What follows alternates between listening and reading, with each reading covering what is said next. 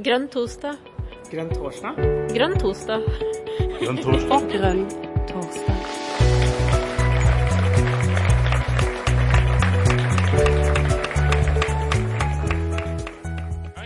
Velkommen til Grønn torsdag.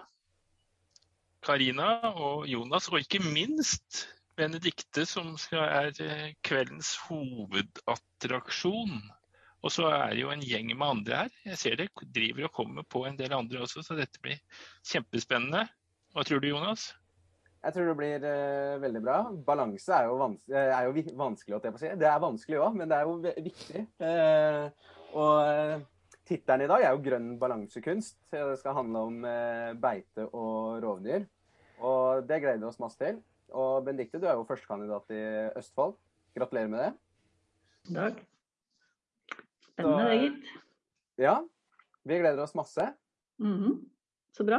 Jeg òg. Og, og, du har en presentasjon du skal vise fram, skal du ikke det? Jo. Så. Det skal jeg. Skal jeg gjøre det nå, tenkte dere? Det ja, det kan, lov, det kan, du få lov til. Altså, altså, jeg lurer litt på, Var det greit at jeg satte på dette med grønn balansekunst på, på tittelen? Fordi det, det, var jo noe vi gjorde egentlig uten å snakke med deg. Hvordan, hvordan føltes det? Var det greit? Balansekunst er jeg jo veldig med på. Hvor, hvor, I hvilken grad balansekunsten vår er grønnere Eller altså hva en grønn balansekunst er, det er jo ikke godt å si. Men det kanskje vi kan faktisk få definert da, i løpet av eh, kvelden. Se om vi klarer å finne den som vi mener at er grønn nok. Sammen. Veldig bra. Vi gleder oss, Benedicte. Ordet er ditt. Tusen takk skal du ha. Da skal vi se om jeg finner den der. Sånn. Er den oppe hos dere nå, da? Det er den. Så fint. Så kjempehyggelig at uh, ganske så mange, syns jeg, og mange fjes og navn jeg ikke kan. Og det er også veldig hyggelig. Um, jeg har um, jeg sa en eller annen gang uh, i høst uh, i en offentlig sammenheng at uh, vi var imot rovviltnemnda sånn som den var organisert. Og da havna jeg på lederplass i Aftenposten om å stikke hånda inn i ulvehiet eller et eller annet sånt. Og det tror jeg nok kanskje at er del av denne sannheten. Så dette med å finne en grønn balansekunst oppi dette her, det håper jeg at vi sammen kan hjelpe hverandre litt til. Jeg er altså da Benedicte Lund og er førstekandidaten for Østfold. og er veldig stolt av det og veldig ydmyk i forhold til det. Eh, og som mange av dere som er opptatt av litt rovdyr og sånn, vet, så har vi bl.a. Eh, hadde vi inntil eh, for få dager siden en egen liten, et eget ulvepar som kom hit med helikopter. Så det kom jeg litt innpå. Uh, og uh, som uh, Siden jeg også sitter i fylkestinget for Viken, så rakk jeg hånda i været og sa at jeg ville gjerne være interessert i å få lov til å sitte i rovviltnemnda. Det er de som sitter der er gjerne de aller mest interesserte på den ene eller den andre sida. Så der har jeg vært siden ja, hva blir det, oktober i forfjor, på en måte. Litt over et år. I bånn så er jeg sivilagronom i husdyrfag, og det tror jeg kanskje hjelper litt. Riktignok mest med fokus på fjørfe, men, eh, men også har jeg jobba mye med de eh, eh, bevaringsverdige husdyrrasene også. Så jeg, kan, jeg, har hatt ganske mye kontakt med, med landbruket hele veien. Sånn at, at, jeg bør i utgangspunktet kunne ha som grønn og engasjert politiker, men med en, en bred landbruksbakgrunn, et godt utgangspunkt for å kunne være engasjert i dette temaet. Skal vi se hvordan vi blar her. Det var ikke så lett. Der. Jeg tenker Vi skal ha en time her nå hvor vi snakker rett og slett helt grunnleggende om hva er det programutkastet vårt som vi skal vedta på landsmøtet sier. Om beitebruk og seterdrift og selvforsyning og fôrproduksjon og kjøttforbruk. Og hva det sier om rovdyr hvordan vi skal håndtere at natursynet vårt uh, inneholder selvfølgelig også en uh, ganske betydelig ambisjon om rovdyr. Så skal jeg si litt mer om min erfaring fra rovviltnemnda. Touche innom uh, World Wildlife Fund, det er så vanskelig å si, rettssaken. Og diskutere litt med dere. Jeg håper at vi får til en, en ja, rett og slett en litt sånn eh, innspillsrunde på kryss og tvers her. Jeg regner med det er mye sterke meninger der ute. Og kanskje vi til og med kan ende opp med et forslag til et felles budskap som, vi, som gjør at vi kan gå ut i krigen igjen og stå trygt sammen. Det bildet fikk jeg tatt fordi at jeg eh, hadde bare sånne bybilder. Og så har vi en veldig flink fotograf her i Moss som jeg bor, og han er veldig ihuga og opptatt av ulven bl.a. Så jeg spurte om han kunne ta meg med ut i skogen og ta bilde, og da må jeg jo bruke det litt òg. Han heter Helge Eek og er veldig flink på alle mulige naturbilder og sånn. Så da står jeg sånn blid innimellom trærne og ja. Og den teksten på siden her, det var en tekst som jeg hadde med meg da Miljødirektoratet inviterte til at noen aktører skulle komme og si noe om sine erfaringer fra rovviltnemnda. Og da fikk jeg lov å være den som skulle si noe fra siden vi hadde ulvesona i den rovviltnemnda som jeg sitter. Og da sa jeg at jeg kom inn i dette arbeidet som veldig engasjert, men med et utenfra-blikk, fordi jeg ikke er eh, husdyrholder sjøl og blir dermed også begrensa av tallkunnskap. Og det er vel kanskje typisk de fleste, egentlig, som eh, er litt opptatt av rovdyrpolitikken. Vi mener skrekkelig masse men, og er veldig engasjerte, men vi har kanskje ikke veldig mye detaljkunnskap om hva det faktisk innebærer.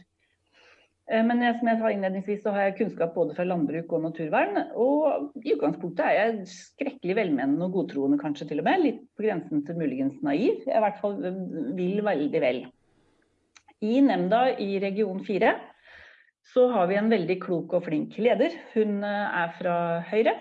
Eh, hun er eh, vennlig og mm, kompetent og flink, og det samme er sekretariatet vårt. Og de sitter hos statsforvalteren eller fylkesmannen og gir oss så tjukke sakspapirer hver gang, så vi ikke skal komme og, komme og si at vi ikke visste, i hvert fall.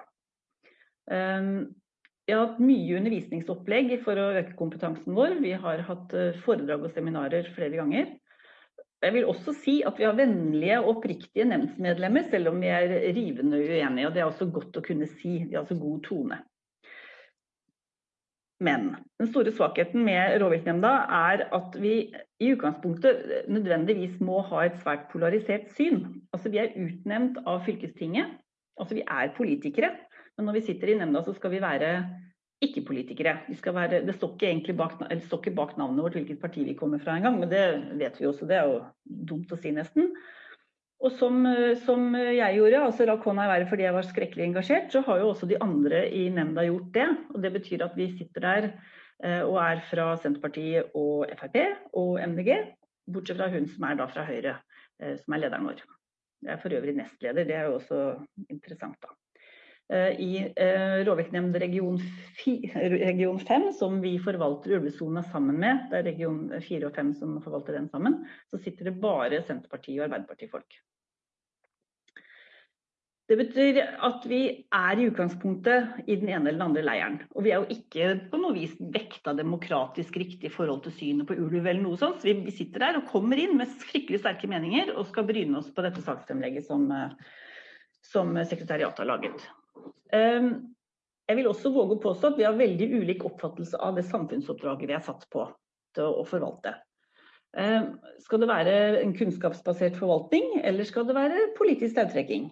Ehm, er det egentlig aksept i alle leirer hva rovviltforliket medfører? Jeg vil nesten si nei, f.eks. i denne diskusjonen om, om, det være, om det kan settes, flyttes et ulvepar til Østfold f.eks så kan man jo si at ok, det, Østfold er en ulvesone. Da må man kunne forvente at det kan komme ulv dit.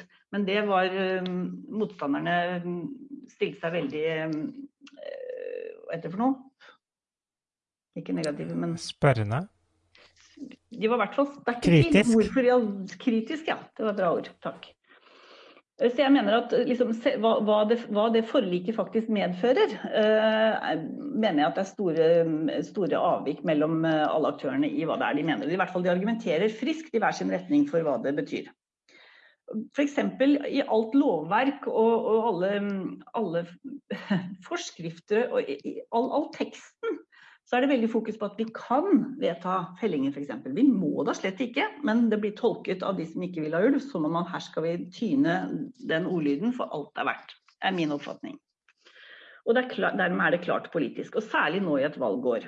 Og i da dette Deisjø-paret ble flytta hit, ehm, så gikk ehm, ordførerne i eh, Østfold ut og slo seg sammen eh, og hadde et opprop hvor de fronta veldig at her skulle de ha vært varsla på forhånd, de skulle vært hørt, de skulle vært tatt med på råd.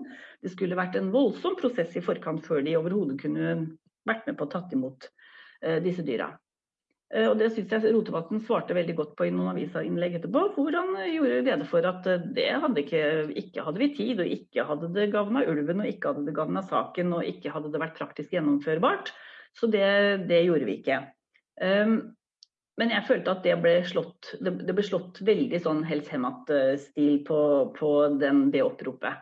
Og det er også politisk i den forstand at nå er Arbeiderpartiet vil veldig gjerne være venn med Senterpartiet og omvendt. Så da når Senterpartiordførerne går hardt ut og sier at her skal alle være med, og vi ble ikke spurt og involvert, og det er forferdelig for lokaldemokratiet at vi ikke får høre om dette på forhånd, så var ikke det noe vanskelig for Arbeiderparti-ordførere som ikke har greie på ulvepolitikk, å si at nei, selvfølgelig så skal man høres lokalt. Det er, jo, det er jo ikke noe vanskelig å være enig i det, uten at de forstår hele bakenforliggende faglige begrunnelsen og hvordan forvaltningen har valgt å gjennomføre dette her.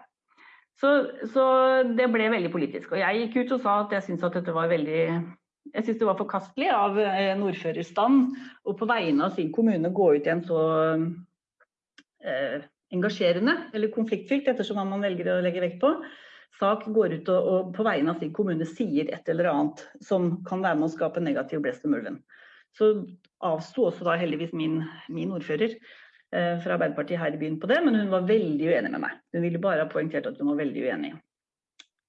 Men det som vi har snakka om i nemnda, og som jeg i kjølvannet av flyttinga av ulvene hit har vært veldig klar på, det er at jeg mener virkelig at um, vi må sørge for at enkeltbonden ikke skal måtte ta støyten av sånne typer vedtak.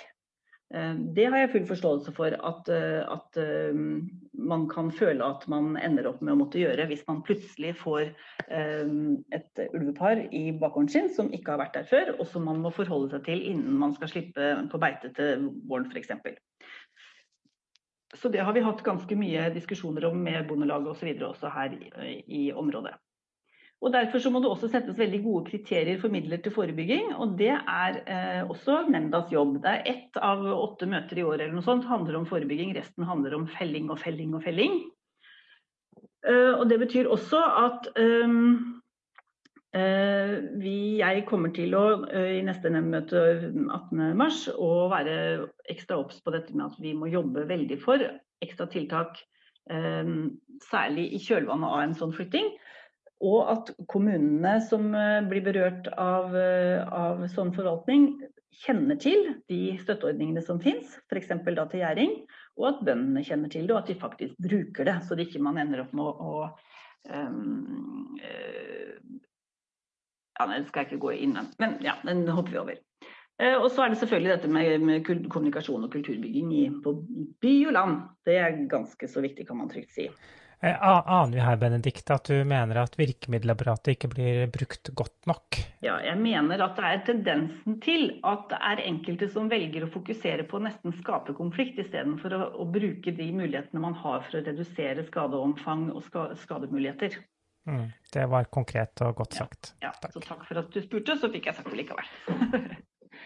I vår, eh, vårt programutkast så er det to nøkkelpunkt som jeg har klippa ut og putta inn her. og Det ene er at vi ønsker å føre en revolusjonerende naturpolitikk, intet mindre. Eh, de Grønne vil stanse utredelsen av arter og bidra til vekst i natur- og biomangfoldet. Og målet er minst et eller annet som ligger bak bildet av meg, så det kan jeg ikke se. Forbedring i naturens tilstand og utbredelse innen 2050. Det er om naturen. Samtidig så skal vi ha en bærekraftig matpolitikk det er litt dumt at disse bildene av oss henger akkurat der. Kan jeg endre på det? Det kan du nok gjøre, fordi det er ikke sånn på min skjerm. Kanskje dere må si hva som står bak der. Eh, hvor er det du var hen? ja, jeg kommer bort på sida Nei, nå peker jeg her. Bort på siden på høyre side. Jeg kommer dit snart. Vi øker matproduksjonen på norske ressurser og fremmer sunt kosthold med lavere miljøavtrykk og et eller annet. Bedre. Bedre, bedre dyrevelferd. Bedre dyrevelferd. Selvforsyningen skal opp til minst 50% innen 2030. Det er mye høyere enn vi har nå. For å få til det vil vi bl.a. et eller annet Halvere det norske kjøttforbruket. Bra. Slik at forbruket ikke overstiger det vi kan produsere selv på egne arealer og ressurser. Og Det er kjempeviktige prinsipp. Og De to er til dels litt i konflikt, vil jeg skal prøve å vise. Og det har kommet veldig tydelig fram når vi nå skal ja, vi kan ta, ja, unnskyld, vi konkretiserer disse her også. Det som står videre da om beitedyr eh, og slikt, er altså at vi skal føre en eh, jordbrukspolitikk som øker norsk produksjon av alle mulige typer matvarer. Jeg bare sagt klikk, klikk, basert på norsk fôr og norske beiteressurser. Vi skal ha et husdyrhold som i all hovedsak baserer seg på gras fra beite og arealer som er uegnet for dyrking av menneskemat. Og dobling av antall støler bl.a. Det kommer fra et annet punkt, men jeg smalt inn der. Og det er jo kjempeviktig prinsipp. Eh, det handler om at da står kjøttproduksjonen i forhold til det vi har av ressurser som ikke går utover menneskematproduksjonen. Det er viktig. Virkemidler i jordbruksavtalen skal tilrettelegge for økt beitebruk. Vi skal øke støtten til forebyggende tiltak mot tap av dyr på beite. Og vi skal sikre tilstrekkelig støtte og insentiver til forebyggende tiltak mot rovdyrskader, med særlig vekt på ikke-dødelige tiltak overfor rovvilt og tiltak som bidrar til at skadde dyr på beite oppdages tidligere. Men det er ikke konkretisert noe mer enn det. Det står bare at det er sånne typer tiltak. Ikke-dødelige tiltak, det er en ganske kul måte å skrive det på. Det er jo egentlig det. Det er rett og slett ganske kul måte å skrive det på. Men nøyaktig hva, er, hva, hva vi skal fylle det med, den verktøykassa er ikke så svær. Den er ikke Den er den eh, Ja. Eh, så om rovdyr og slikt, så står det Nå vet jeg jo hva, det, hva de punktene er, men jeg får ikke lest dem så veldig. Utrede Norges første nasjonalpark med et helhetlig økosystem med? Permanent, permanente bestander av store, store rovdyr. Ja. ja. Og etablere et eller annet hvor jakt og fiske ikke er tillatt. Ja, et verneområde hvor jakt og fiske ikke er tillatt. Og så skal vi ikke minst føre en aktiv og kunnskapsbasert rovviltpolitikk, tenker jeg. Mm. Som utover faglig funderte bestandsmål, og også skal inneholde noe om rovdyrs økologiske funksjon osv. Mm. Dere kan jo lese det. Og så ikke minst så har vi jo en resolusjon som også sier at vi ønsker at vi skal fjerne hele nemndsordningen. Ja, men det innebærer jo at den skal erstattes av en faginstans? Den skal erstattes av en faginstans, absolutt. Og det trengs. Og når vi ser hvor grundige og gode saksfremlegg vi får, så um, bør det absolutt være meget mulig, kan man trygt si. Og så har jeg rota meg inn på Facebook. Det har sikkert flere av dere andre gjort òg. Jeg kjenner igjen flere av navnene som, i, som er med på møtet i dag derfra. Og liksom for å ta med to sånne hovedpoler, da. Så Venner av norsk landbruk, kjempefint nettsted, eller Facebook-side. Masse spennende, interessant å lese der. Men guri malla sinte de er på rovdyra, selvfølgelig. Så når vi skriver f.eks. Vi hadde for en stund siden en veldig fin artikkel i eh, Nasjonen fra MDG sin side, hvor vi oppsummerer eh, den landbrukspolitikken som vi har, som er i pakt og i takt med ressursgrunnlaget vårt og som ikke skal forsere produksjonsnivået utover hva dyra orker å produsere. Så vi skal, være, vi skal ta vare på de, de, små og mellomstore bruka i tillegg, sånn at vi ikke skal få ytterligere mer areal som skal gå ut av produksjon osv. Vi skal satse på setebruket, vi skal lære litt av det alpine um, landbruket som de har i Østerrike og Sveits, som har veldig mye vi egentlig bør, bør se på og se hvordan vi kan uh, utnytte bedre. Veldig mye spennende. Men disse tingene som altså da handler om at beiting kommer i konflikt med, med rovdyr. Kommer veldig høyt opp på dagsordenen så fort vi begynner å røre litt rundt der inne. Og så har vi da disse andre mm, sidene på den andre siden der, med vern ulven i Østmarka, rovviltets røst og boikott konfliktkjøtt. Boikott konfliktkjøtt, det er rovdyrforkjempere som syns at det er noe stort sprøyt å ha sau og utmark i det hele tatt, um, og argumenterer heftig for det. Og fremmer eller de har dissa ganske solid, faktisk, MDG sin politikk. Um, og om det er for at det er visse nøkkelpersoner der inne som uh, antagelig kanskje er venstrefolk, har jeg skjønt. Men, og de mener selv at de har enda bedre rovviltpolitikk. Det, det kan vi la henge litt. Men det ligger i hvert fall uh, ja, Det har vært mye pes der inne på, mot MDG. Så jeg vil jo oppfordre jeg vil jo oppfordre oss litt. Når vi ikke kan gå dørbank, så kan vi faktisk være litt inne og forklare på disse sidene. Um, Men jeg tenker, Benedikte, når vi får pes både i Venner av norsk landbruk nemlig. og vi får pes av boikott konfliktkjøtt, da må vi gjøre noe rett. Det er nettopp poenget mitt. Og jeg tenker at Noe av jobben vår syns jeg skal være å stå i den krigen og stå i stormen og gidde å prøve å være bro og forklare prøve å ikke bli sinna og fortvila. Det er noen av dem som jo selvfølgelig er fryktelig kverulantiske, og de kan vi ignorere. Men å stå i den der, der er vi jo på den balansegreia. Det ser ikke ut som det er balanse, for det er tre på den, tre mot én her, da, men det er ikke Dere skjønner hva jeg mener. Så har jeg lyst til å si litt om, om kunnskapsgrunnlaget. Vi har hatt rekordlave tapstall siden 2002, så har det aldri vært så lave tapstall. Vi hadde en nedgang på 21% fra 2019 til 2020. Nå er det mange som har slutta med sau, så det er noe av grunnen til det. Ja, og særlig selvfølgelig i ulvesona. Og det er litt det samme igjen som jeg sa i stad, om konsekvenser av det å være med på et rovviltforlik som innbefatter bruk av en ulvesone. Så er det ganske selvfølgelig at da er det færre som driver med sau, særlig på utmark, i den ulvesona. Men så er det også tapet de to siste årene, altså 2018 og 2019, nei 2019 og 2020. Fire sau og to hunder totalt sett i ulvesona. Det kommer et kart seinere òg, men jeg kan prøve å vise dere her. Så ulvesona ligger jo her hvor dere ser her. Det er det vi har av, av ulv i, i, Norge. Ikke store tap, kan man trygt si. Vi har to millioner sau på beite i Norge. Trøndelag var den, det området i landet som hadde størst tap med 4566 dyr. Um, og til sammen så er det over 100 000 dyr som går tapt på beite hvert år. Herav er det 32 000 som er søkt erstattet til rovdyrskade, og 20 000 ble erstatta. Og det er alle rovdyrskader, ikke bare ulven. Dette er ulvesona, og dette er disse revirene som det er så mye snakk om. Og det er forskjell på familiegruppe og revirmarkerende par. Um, også de som ligger på grensetraktene, er da de vi deler med Sverige, som dere skjønner. Der er det der Deisjø-reviret, som dere ser som ligger halvveis utafor sona, uh, og som man da foreslo at man skulle ha en sånn midlertidig buffersone på utsiden her, hvor det ikke var lov å drive med lisensjakt.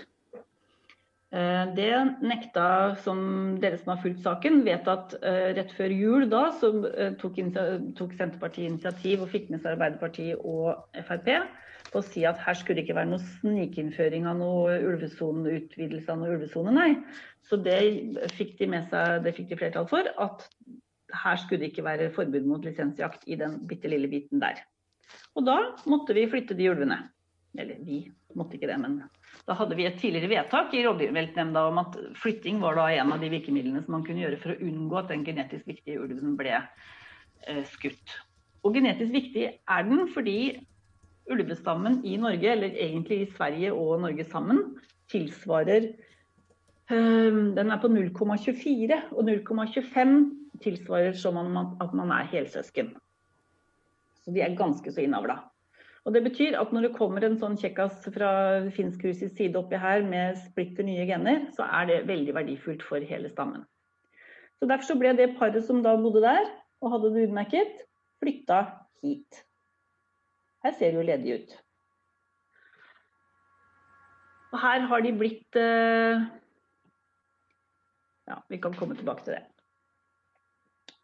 Det som har vært tallene for 2020, er at tellinger har vist at vi har til sammen 8,5 ynglinger eh, innenfor ulvesona. Um, til sammen ca. 100 dyr. Bestandsmålet vedtatt i rovviltforliket er fire til seks, hvorav minst tre skal være helnorske. Og da har vi vedtatt en hel masse fellinger. Vi har vedtatt fellinger, eh, lisensfelling av ulv utafor ulvesona for å holde bestanden nede. Det er jo helt ulogisk når man har en kritisk trua rødlista art som er freda, men det skal vi altså. Og så ikke minst så vedtok nemnda at man skulle ta ut fem av de 8,5 ynglingene vi hadde innafor ulvesona. Etter år med rekordlave tap før World Wildlife Funds eh, høyesterettsdom skulle falle, for, som skulle avgjøre om dette skal være, om fire til seks skal være maksimalt antall ulv, eller et minimumsmål. For det er faktisk ikke juridisk definert. Det er noe av det som skal defineres nå. Og så eh, vedtar vi lisensfelling utenfor ulvesona. Eh, og den lisensfellingsperioden varer fra 1.12. til 31. mai. Og Det var derfor det hasta så fælt å få flytta de Deisjøulvene, fordi at de ville jo så fryktelig gjerne i gang med den eh, fellinga i desember. Og vi kunne ikke være sikre på at de ikke begynte å skyte på Deisjøulven da hvis ikke vi flytta den, så derfor så måtte det gjøres, og det lyktes de altså da med i nyttårshelga. Og så syns jeg jo at det datoen der er jo en trist ting. Alle som vet noe om biologi, vet jo at det er trist at når man har paringstid i februar-mars, og man går drektig i 63 dager, så vil man få valper i mai, og det er veldig dumt da å kunne felle ulver og, og jage dem fram til og med 31. mai da. Uh, så er det også uh, tre dyr i region 2 uh, og tolv dyr i region 4 og 5, altså utenfor ulvesona. Så da, altså fem, da, vedtok i utgangspunktet rovviltnemndas flertall at man skulle ta ut fem av åtte og en halv flokker innenfor ulvesona, pluss tolv dyr utenfor ulvesona, pluss at de har en sånn skadefellingskvote. Og skadefellingskvote det er jo rett og slett for at dersom det dukker opp en sånn streifulv som lager akutt veldig mye skade i et område hvor det skal være beiteprioritert, så må man kunne få lov til å ta ut den uten å gå veien om en hel masse byråkrati osv. Så videre. sånn at det er en, på en måte en stående kvote som man kan bruke til det. Det, det, høres ut som det er veldig mange ulv, men det er kanskje poenget ditt. Eh, ja, det er nettopp det. det, er, det jo, så det nemnda vedtok, var å ta ut to tredjedeler av norsk ulvebestand. Eh, men så heldigvis ble det gjort om, sånn at eh, det bare ble to av åtte og en halv flokk istedenfor fem. Mm. Kunne du si litt mer om hva lisensfelling er? Lisensfelling er rett og slett en bestandsregulerende felling som eh, er lov. Som, set, som vi som nemnd setter kvote på utenfor ulvesona. For å holde bestanden nede. For at vi ikke skal få for mye ulv på den rødlista, sterkt trua freda arten. Jeg aner en viss ironi i måten du ja, sier det på. Ja, den er litt det er, det er, Jeg sitter også i styret i Ytre Hvaler nasjonalpark eh, Marine nasjonalpark. Det er kjempehyggelig. Og der sitter jeg heldigvis også sammen med Frp og, og, og Arbeiderpartiet. Og der er vi så for å verne natur, kan du tro. Det er mye hyggeligere å sitte der. Um, ja. Og så står det helt uttrykkelig i lovtekst at det er et vilkår at felling ikke skal være skadelig for bestandens overlevelse. Og at ikke det skal være annen tilfredsstillende løsning ut fra prinsippet om geografisk differensiert forvaltning. Altså at vi skal ha dem, vi skal si at de skal være i dette området. Og da sitter jeg som et stort spørsmålstegn og lurer på hvorfor vi vedtar sånn som vi gjør. Mm. For øvrig så er det andre bestandsmål, og det er 65 ynglinger av gaupe. I det området som jeg sitter, eh, altså i region 4 som jeg sitter i, i rovviltnemnd, så har vi ikke noe flere gauper. For de gjorde noen feil i 2011-2012 som gjorde at ops, så ble visst alle sammen borte. Så den bestanden har ikke tatt seg opp igjen. For det, som dere vet så må det være minst to dyr for å få noe særlig utbytte av sånne bestander. 29 ynglinger av jerv og 13 av bjørn. Og så vi også, skal vi ha en skokk med hekkende kongeørnpar. Og gaupe, jerv, bjørn og ulv er trua arter. Jerv, bjørn og ulv er i tillegg freda. Kongeørnen er freda, men ikke trua. Så det er litt sånn. Både naturmangfoldloven og Bernkonvensjonen sier klart at vi skal uh, bevare rovvilt uh, i vår natur, men det er også formuleringer som gjør at det går an å argumentere for at man kan ta ut rovvilt for å begrense uh, skadeomfang på husdyr og tamrein. Eh, bygget på rovviltforliket fra 2011, siste versjonen av rovviltforliket. Og så ble det en flertallsenighet i 2016 som ble pressa gjennom av Senterpartiet og Arbeiderpartiet bl.a. Eh, hvor, hvor Senterpartiet særlig foreslo en rekke skjerpelser. Skjerpelser skrives kanskje ikke sånn for øvrig. Nei, det gjør ikke, men la oss ikke henge oss opp på det, Benedicte. og på den andre siden så var MDG, SV og Venstre foreslo en hel masse fine ting den andre veien, men vi fikk ikke flertall for det. Så sånn går nå dagene. Og oppi dette er sånn, så er altså da, uh, har WWF gått til søksmål mot staten for å redde ulven. Um, og det er, hoved, det er fordi at det ble, to, ble, tatt ut to flokker i forrige runde med, før jeg kom inn i bildet, uh, som uh, de mener at det altså var ulovlig i strid med loven. Og da får vi jo antagelig da forhåpentligvis en høyesterettsavgjørelse på om de fire til seks ynglingene er et bestandsmål som skal regnes som maksimum eller minimum. Og det er i disse dager. Og alle som har vært borti noe som ligner økologi eller biologi eller uh, genetikk eller et eller annet, vet jo at en bestand som består av så få dyr som vi snakker om her, er veldig veldig sårbare, og særlig da når de har en så høy innavlsgrad. Så jeg mener absolutt at det er selvfølgelig da et minimumstall.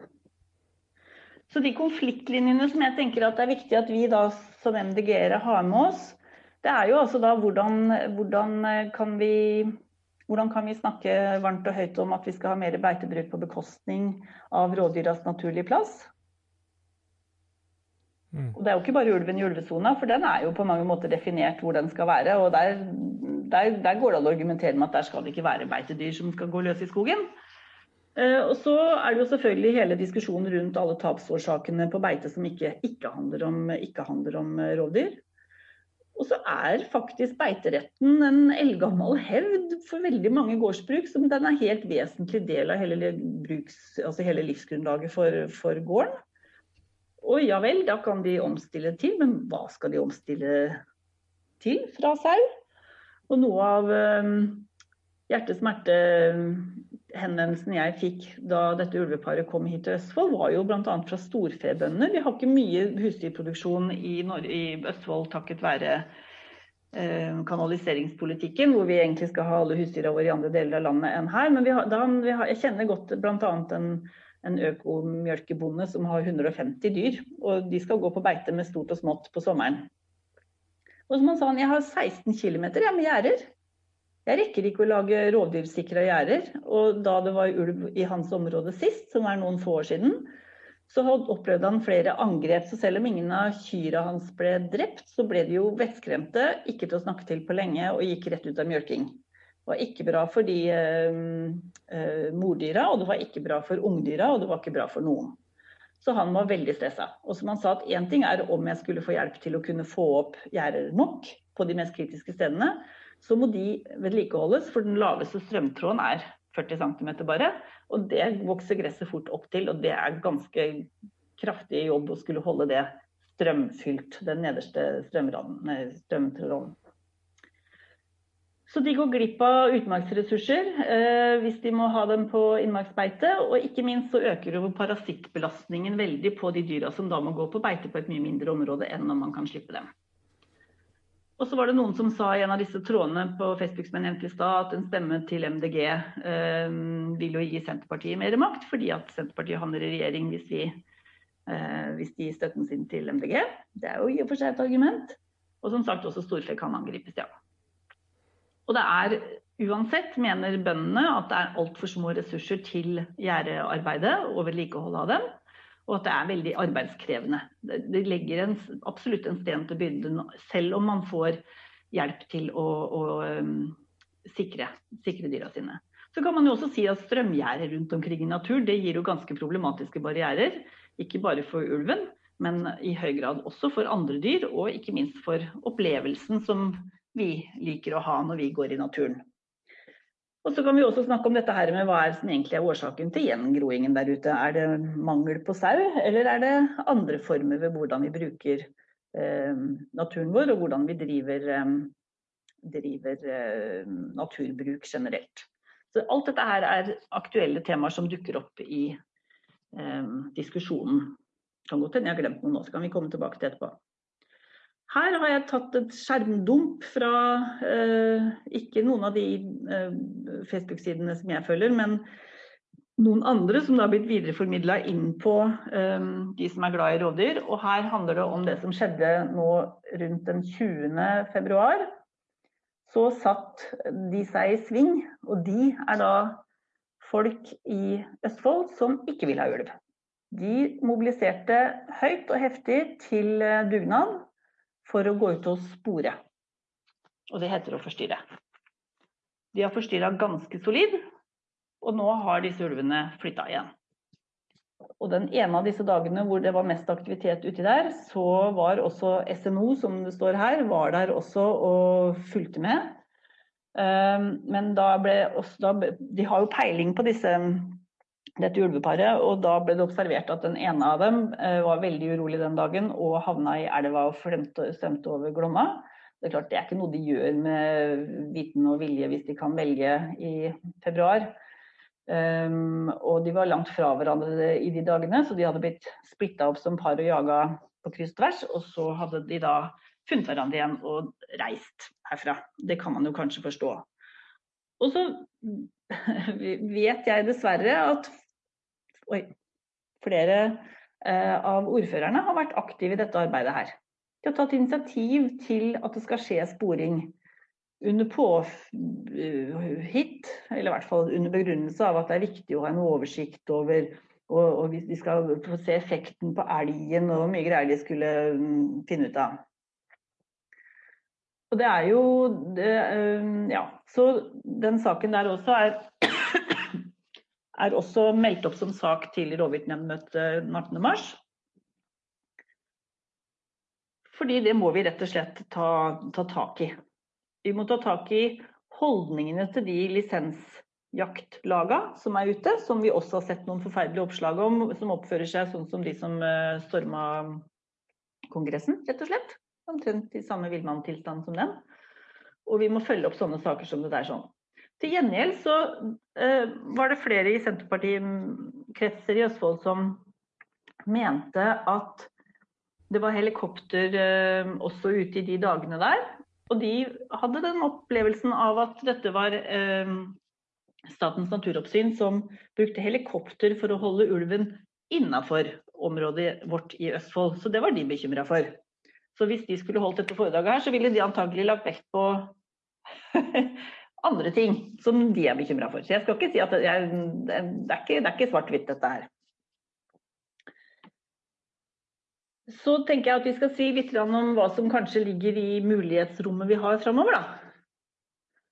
Ehm, sånn som vi har innretta teknologien eh, nå, så har vi jo ehm, ja, For det første så er det jo drøssevis av viltkameraer ute i skogen her, så, så, det er ganske god oversikt over det som måtte ferdes av, av ville dyr i skogen vår.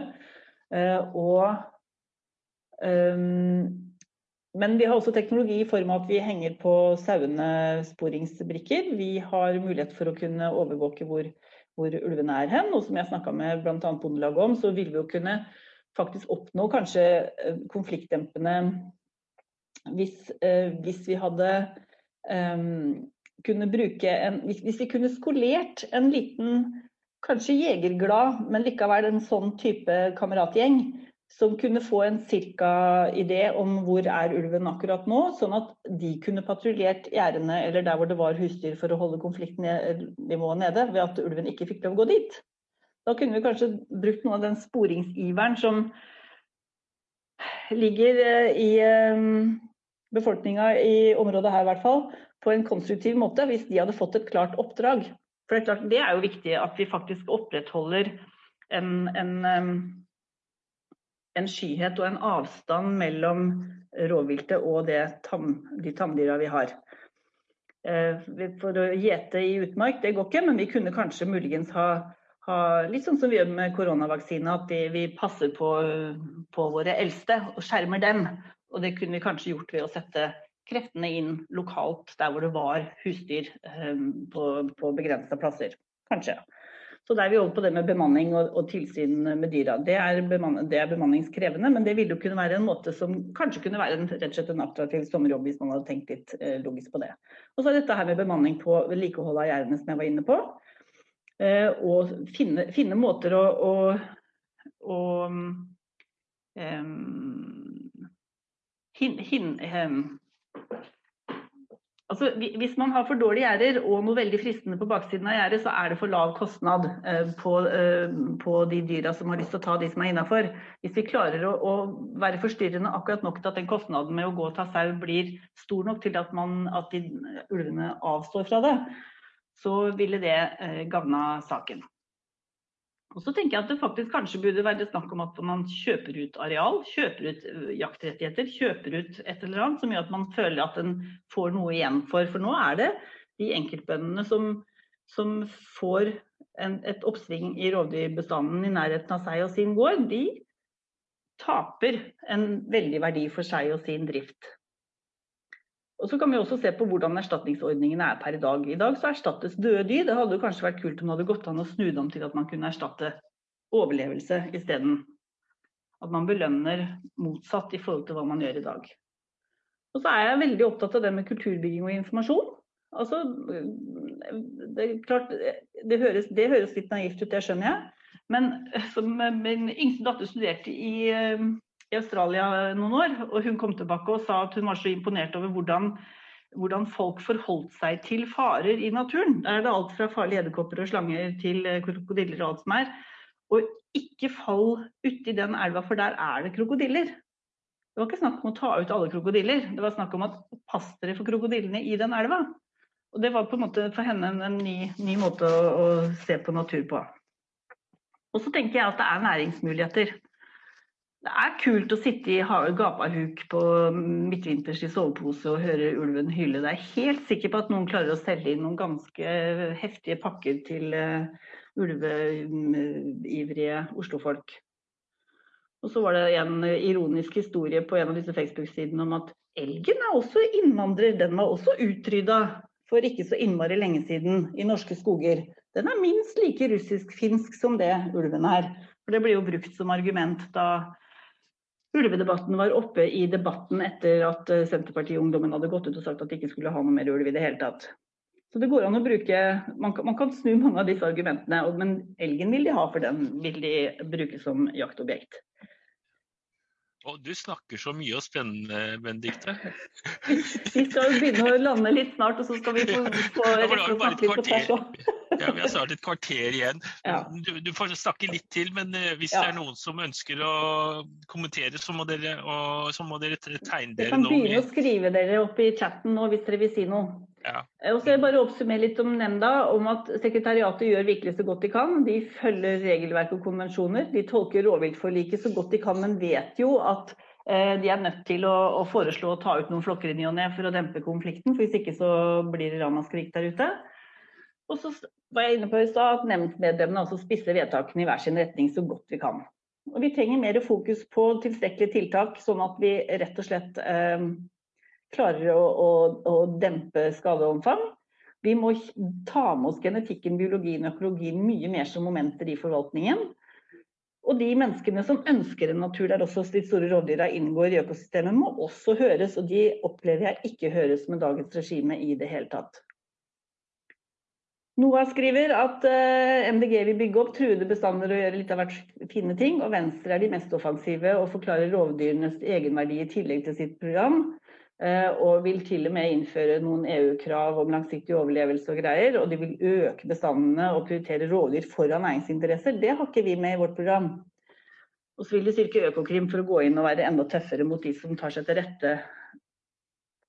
Og så er vi altså da store deler av landbruket er sinte på oss. Store deler av rovviltforkjemperne er sinte på oss. Rovviltnemnda er altfor politisk og må erstattes, og det går vi rundt og mener. Og så må vi prøve å være for, foregangsfigurer for kulturbygging, forsoning og folkeskikk, rett og slett. Også blant ordførere, vil jeg da våge å påstå. Og så må vi fremme den historien som ligger i mulighetene for en natur med en rovdyrs tilstedeværelse som en helt naturlig toppredator i et intakt økosystem. Og oppi det da så får vi en sunnere elgbestand, vi får naturlig beskatning av villsvin, vi får en opplevelsesnæring kanskje, vi får generell naturkompetanse, folkeopplysning, mestringsopplevelse osv. osv. Andre hensyn av samfunnsmessig betydning er et begrep vi bruker i nemndsammenheng. Ingenting er svart-hvitt. Tusen takk. Da er vi vel helt opplyste her, er vi ikke det? Det er så fulle av enda mer eh, spørsmål opp på kryss og tvers, tenker jeg. Ja. Eh, det er et par stykker som har kasta seg på noe. Jeg tror eh, Hanne Ferhagen har eh, prøvd å tegne seg ved tallet én. Eller bra. var det en misforståelse? Og Hanne er blant de jeg har sett der inne, så det er bra. Jeg har i kommentarfelt. Ja, jeg valgte å bruke én og to. Jeg skjønner Én for innlegg og to for uh, replikk. Ja. ja, det var ny. det er kanskje sånn trøndelagsgreie. Uh, ja, gjerne få bildet ditt også, Hanne, så kan vi Ja, nei, jeg vil helst slippe. Ja. Beklager. Beklager det. Ja, det går bra. Um, jo, um, ja, du tok jo opp det med Venstre. At de er bedre enn oss da, på store rovdyr, jeg har jo kanskje Noah sagt. da. Um, og så syns jeg jo det er jo så rart at vi som har de her solidaritetsprinsippene våre, at vi har MDG har kjempestor motstand i vindkraftsaken og i rovdyrsaken, enda vi ser på oss selv som de beste for begge de to tingene. Mm. Så det er absolutt noe vi må jobbe med sånn kommunikasjonsmessig, da. Mm. Um, så jeg hadde litt flere punkter sånn nedover her. Um, og det der med at uh, partiprogrammet vårt um, Vi har jo hatt for et par partiprogrammer siden, der hadde vi et kulepunkt om at vi ville belønne overlevende dyr fremfor Mm. de som døde. Mm. Og jeg, jeg har ikke fulgt med på hvorfor det forsvant ut av programmet, egentlig. For jeg syns det virka veldig konstruktivt, men jeg vet ikke om det er praktisk mulig, da. Um, og så, eh, på Røros her, så deltok jeg som en, bare en vanlig interessert person på et møte i rovviltnemnda for eh, ja, er det region 5 og 6, altså Midt-Norge, da. Trøndelag, Møre og Romsdal. Eh, og da fikk vi jo gjennomgang av økonomien, og sånn som jeg så det da, så var typen ni av Altså ni tiendedeler av 90% av pengene gikk til skyting. Ja. Sånn som du var inne på, Benedikt, at det er ikke et todelt mandat. De, de jobber ikke med for, altså, forebyggende tiltak, som står veldig klart i mange sånne, ja, både forskrifter og kommentarer, da, så står det jo det. Så jeg har drevet og sagt mange ganger flere år at vi må få bort de rovviltnemndene sånn som de er i dag, da. Mm. Um, og så på det, når jeg var på det møtet, for det, er- noen år siden, da, så gikk jeg og googla alle personene som var medlem i de to rovviltnemndene. Og det er jo folk som har økonomiske interesser, da. Um, Ja. enten skoge, men særlig saue, sauebønder og reineiere og jeger, de som selger jegerrettigheter osv. Ja. Og, og, så, og så som, akkurat som deg, Benedikte, så jeg er vara i nasjonalparkstyret for Fårholmagna, der vi har Nord-Europas eller Europas fineste, friskeste villreinstamme. Mm. Og tenkte at det her blir jo hyggelig, her er man jo blant venner. Men Mm. nei, absolutt ikke. Nei. og det er nesten tristere enn rovviltnemndene. For at Mm. eh, her er det jo de som er interesserte, som melder seg og blir valgt inn når det settes et fylkesting. Mm. Eller, ja, og Ja, nemlig. der, der er det sauebønder, sauebønder og sauebønder som er ute etter å bruke den ville naturen vår til sin økonomiske vinst. Og hvem, hvem skal beskytte naturen da, når det er bare økonomiske interesser som Nei, er så- og ja. Og det ene hovedpunktet som, sto i, som Noah refererte til fra Venstres program, om at, om at eh, næringsinteressene ikke var de som skulle få lov til å dominere eh, hvordan vi skulle håndtere naturen, det syns jeg jo egentlig var, var et veldig godt poeng. Eh, og i, i rovviltnemnda vår, i ulvesona vår, dvs. Si i region 5, det er han som er leder der, han sitter for Senterpartiet, og han kommer fra et, eh, et eh, lokallag for Senterpartiet hvor det står at det ikke skal være ynglende ulv i Norge i det hele tatt. Og da var det Arne Haabet fra MDG som sitter, er inne fra Oslo, og bor på Frogner i Oslo. Men han sa at jeg er vel den eneste i nemnda som kan sies med hånda på hjertet og si at jeg ikke har en eneste egeninteresse i dette her i det hele tatt, men det kan vel strengt tatt de færreste andre i nemnda si, og det var jo litt ertete og litt morsomt. Men det er jo noe med nettopp det at, som du er inne på, at vi sitter og er har dessverre altfor eh, sterk egeninteresse i det. Og det så, så, så jeg vil jo da påstå at nemnda som sådan ikke, ikke fungerer. Takk, Benedikte. Og eh, takk, Hanne. Eh, Neste som har tegna seg, det er eh, Gunn Kari. Vær så god. Eh, takk. Hører dere meg, ja? Gjør vi. Vi hører deg. Ja? Jeg savner den andre sida av ligningen, jeg, Benedikte. Jeg ringte jo Mm. deg om skogbruk før en dag. Mm. Jeg savner Vi har sagt at vi skal skaffe fôr til den husdyrproduksjonen vi fortsatt må ha i Norge med vår politikk. Mm. Vi skal skaffe den fôren innenlands. Vi skal slutte å importere så mye kraftfôr. Og det er annet fôr vi også har behov for, bl.a. proteiner til norske befolkning. Mm. Jeg, jeg savner litt en balansert fremstilling her. Hvor mye mer dyr må vi ha ut på beite? Og jeg synes det også litt skeivt at vi sier at det er sterke økonomiske interesser. Jeg er ordløper og veldig glad i tur og mark og veldig mye ute. Og jeg ser hvilken enorm gjengroing det er i Norge, altså hvor det, det gror så voldsomt. Mm. Så det er masse beiteressurser der ute. Og så satt, slo jeg på Nibio, er- det er ikke det kommer fra. Nibio skriver nå at det er i ulvesonen er det ikke normal beite lenger. Det er ikke det. Og så nevnte du noe om elgen. Jeg er også skogeier og følger litt med på elgjakt i, i Telemark. Mm. Og, du, og jeg et morsomt artikkel sist om at i ulvesonen kan man pleie skogen på andre måter, for det er ikke noe elg som skader lenger. Mm. Er det en normal elgutforvaltning?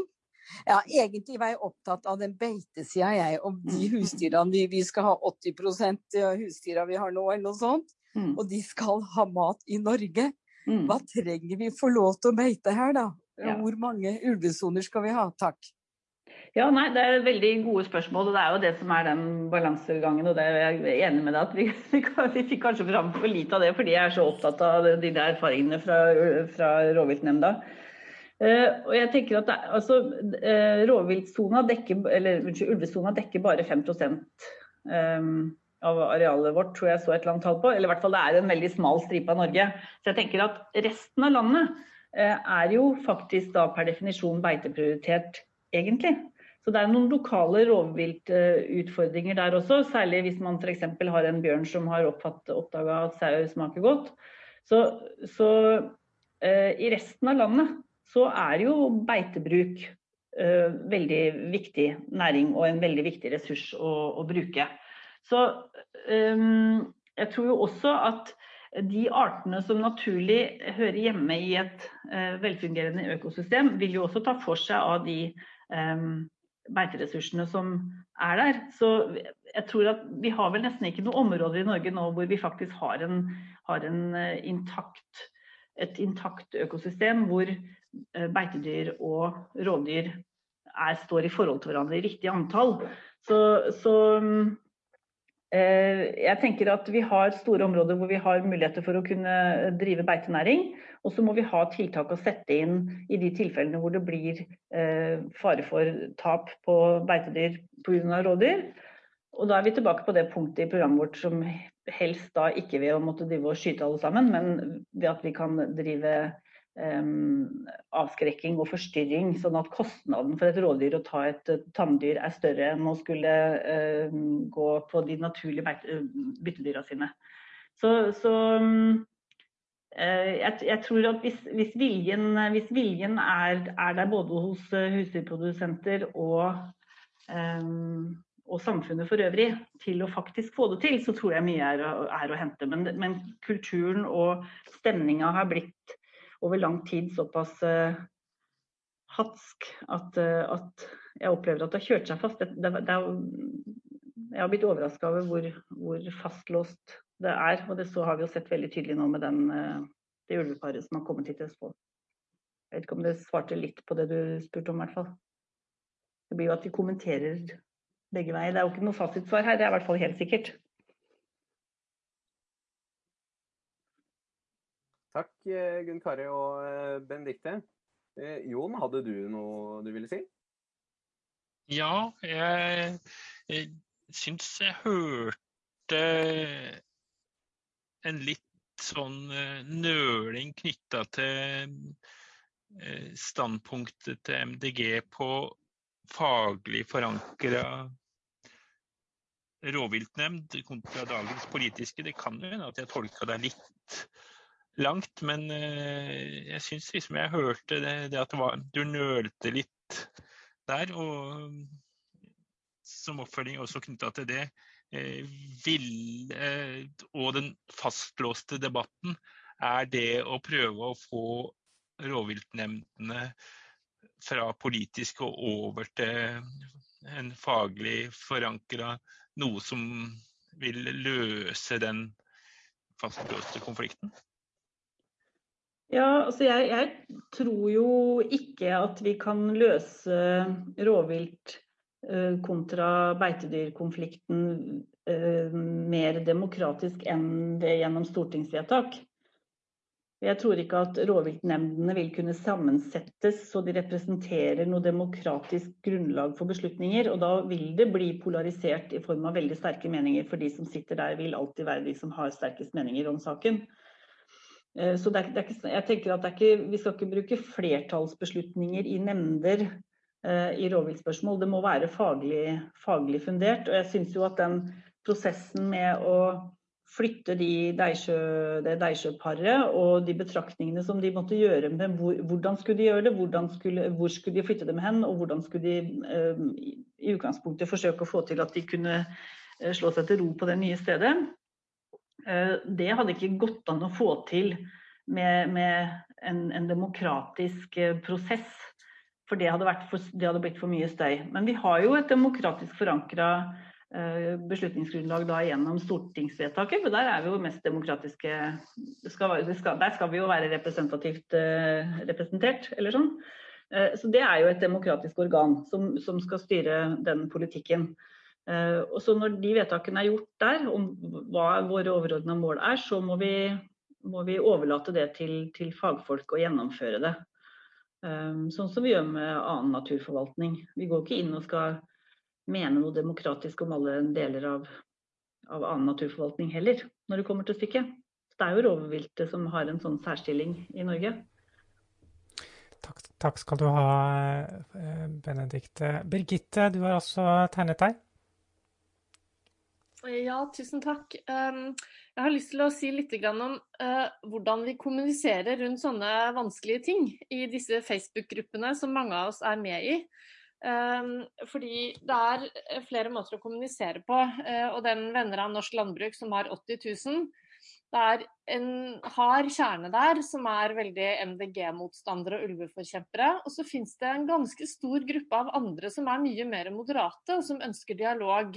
Og det finnes også bønder som er for ulv, og som har meldt seg ut av SP pga. det.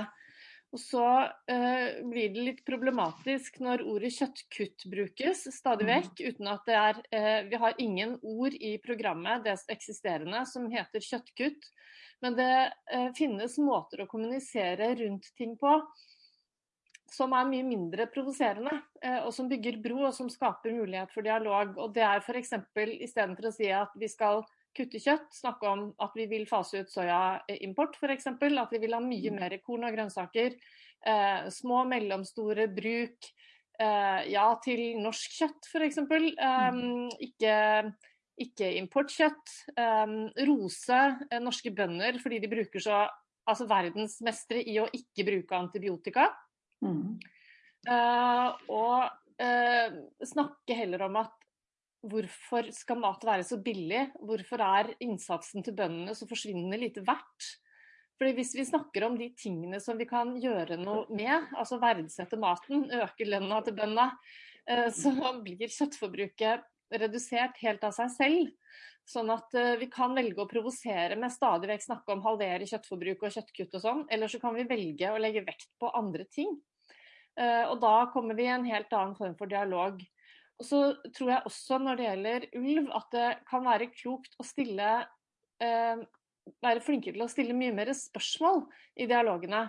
For å få folk til å snakke og fortelle og forklare, fordi da kan man forstå. Jeg blir så lei meg når sauene mine er drept. Ja, det kan jeg forstå at du blir lei deg når sauene dine er drept. Sånn billig psykologisk triks med å speile hva andre sier og forstå det, selv om vi står for vår politikk. Og da har vi en helt annen utgangspunkt for dialog. Og det er litt det er en stor elefant i det rommet også, fordi det er mange flere beitedyr som dør av helt andre ting enn rovdyr. Uh, og så lever vi altså i en vi lever i en digital verden og hvis man seiler regatta, så kan du følge med på skjermen hvor alle båtene i den regattaen befinner seg sanntid til enhver tid. Du kan til og med se når to båter krasjer i en regatta. Utenfor England, her fra Jeløya i Moss. Jeg så heldigvis ikke da kjæresten min krasja med den båten, for jeg fikk vite det etterpå. Da var alt trygt og greit. Men det er jo mulig, selvfølgelig med husdyr også, å ha en del sånne ting. Å være på å følge med, slik at man unngår alle de, de store tapene av beitedyr som ikke skyldes rovdyr.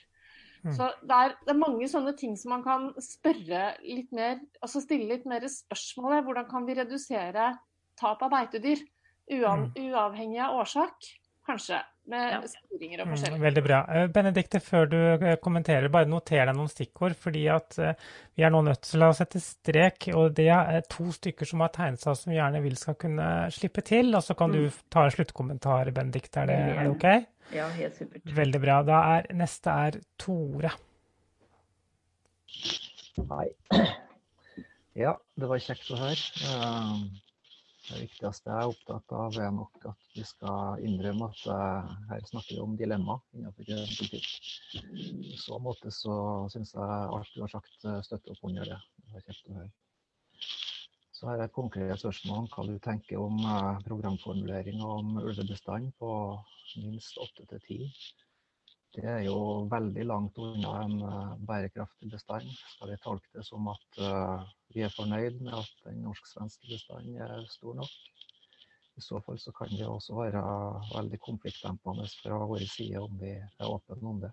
At vi ikke ønsker oss uh, 500 ulv på den norske sida av grensa. Det var eh, kort og konkret. Takk skal du ha, Tore. Og før Benedikte da kan få lov til å få sluttkommentar, så er det en som heter Karstein som har tegnet seg. Karstein, du får siste innlegg før Benedikte tar sluttordet.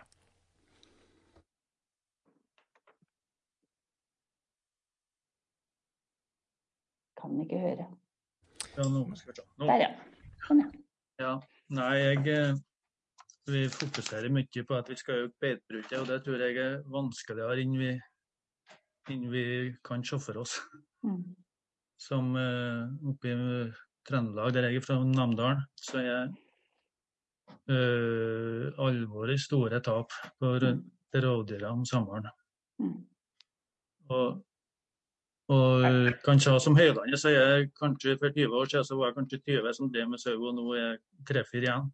De Eh, noen dem i store tap, og noen også er en som i Gjerdien med rovdyrsjekker gale. Da. Og der er noe sikkert. Der er ikke noe tap. da. Men der òg er det syns jeg er vanskelig, for, for eh, det blir ikke like stor lam. Så de, eh, om høstene så blir lamma satt på kraftfôr for å få dem til store nok. De blir slaktmodne. Mm. Og så er det samme som at det er mye parasitter som må behandle flere ganger om sommeren. Og de som er sauene på utmarka, de store tap. Jeg har drevet med sau sjøl, så vi slutta med det med sauing i utmark for 20 år siden. Da mistet vi kanskje nesten halvparten av lamma. Mm. Og det var noe og Her er vi både gaup og, og jerv og ørn. da, Kongeørn. Mm. Jeg tror ikke det er så enkelt å drive med å ha sauer på utmark. Det tror jeg er så, jeg, eh, så de fåene som driver med sau oppi her nå, de er veldig mye sau. Så jeg har utmerket da. Så jeg tror det er en fordel å ha hatt mindre sau, at uh, sauekjøttet har blitt mer eksklusivt. Av, eh, I stedet for en 300-400 lamsauer kunne de ha 50, og så hatt dem på gjenjord og, og, og, i kulturlandskapet, nært gårdene. Det tror ikke det går an å ha sau på utmark i store mengder. Det, jeg tror ikke det går an. Det blir for kostbart og for arbeidsomt. Veldig, veldig gode betraktninger som jeg kjenner, kjenner godt igjen. Um, uh, til Birgitte først, veldig enig i det med kommentarfeltene. og Der har vi en jobb å gjøre alle sammen. At uh, jo mer altså spørrende som du sier, støttende, men også fredelig forklarende uten å gå i belæring og uten å, uten å stille uh, altfor mye spørsmålstegn ved andres motiver eh, er med å, å gjøre en, en, Det er en viktig jobb vi kan gjøre alle sammen. Eh, og så eh, dette med bestandsmål. Vi, vi, deler jo særlig ulvestammen da med Sverige, og det er, det er helt greit. Og hvis vi ønsker å øke bestandsmålet sånn som vi har i, i vårt program, så må vi også være forberedt på at vi må antagelig utvide den ulvesona, rett og slett. Og ikke minst da kjøpe ut areal av de som da må gå ut av næringa. For jeg syns det er, må være rimelig å ikke, ikke, ikke, forvente at folk skal synes det er greit å få fratatt seg eh, muligheten for å kunne drive med en næring som de har bygd opp hele gården sin til å kunne gjøre, eh, ved at vi, med, eh, at vi politisk bestemmer at arealet deres skal brukes til noe annet. Da må det på et eller annet vis eh, gis en omstillingshjelp til det. Men når det er sagt, så tenker jeg jo at i vårt langstrakte land med vår type natur, så er det plass til flere ynglende ulv enn det fire til seks-målet som vi har per i dag. Så det tror jeg absolutt at vi skulle kunne ha mulighet til. Og så er det dette med at vi har, et, vi har en topografi og en natur og, og grunnlag for å slippe sau ut som er krevende. Det er farlig å være sau i Norge. Og særlig etter hvert som vi har fått veldig kjøttfylte dyr som ikke er så lette til beins lenger, og ikke de klarer seg rett og slett litt dårlig alene i naturen, viser seg jo. Og da må vi tenke at, som, som Karstein var inne på, at ja, kanskje vi skal spise sjeldnere sauekjøtt, men da glede oss over det enda mer, fordi at vi har lagt mer penger og mer kvalitet i det produktet vi kjøper. Hvis vi hadde klart det, hvis vi hadde klart å, å omstille tanken rundt hvordan vi spiser kjøtt, ikke bare sau, men kylling og for den saks skyld, at vi spiser det sjeldnere, men vi ønsker å betale mer, for da kan vi kreve en annen type kvalitet, som omfatter f.eks. også driftsform, eh, og de velferdsaspektene som ligger i at man har hatt dyr på andre måter som ikke har vært så uh, farlig for dem. Så er det, er det, en måte å verdsette bondens arbeid og sauens liv og naturbruken vår på. Og så har jeg lyst til å ta med et lite poeng til slutt som jeg glemte i stad. Det er rett og slett at veldig mange av de beitemarkartene vi har, altså planteartene som er knytta til beitemark, de er avhengig av beiting. Så biologisk mangfold er ikke bare ja til ulven, det er også ja til beiting i mange områder, på en del setervoller f.eks. sånn hvor eh, de litt sartere plantetypene taper for gressartene hvis det ikke blir beita der. Så det er også et aspekt ved dette her. Men vi har ganske mange områder i Norge som egner seg godt for beiting, hvor man kan drive med dyr på utmark. og Da kan vi drive med det der, og så kan vi ha, eh, tåle å ha rovdyrbestander eh, i andre deler av landet. Og kanskje faktisk begynne å klare å se positivt på dem og drive med næring tilknyttet opplevelsen det er å vite at her er det intakt natur med intakte økosystemer, hvor det også er toppredatorer som kanskje til og med uler en natt hvor det er fullmåne, hvis vi er skikkelig heldige der vi sitter i gapahuken vår. Jeg tror det er, eh, det er, en mulighet, det altså.